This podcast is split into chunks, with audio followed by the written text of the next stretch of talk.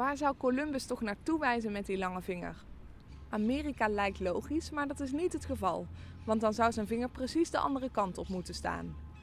Het verhaal gaat dat dat wel de bedoeling was, maar dat het beeld simpelweg verkeerd is neergezet. Oeps. Je kunt met een liftje omhoog tot aan het koepeltje onder het standbeeld. Moet je geen last hebben van hoogtevrees of claustrofobie.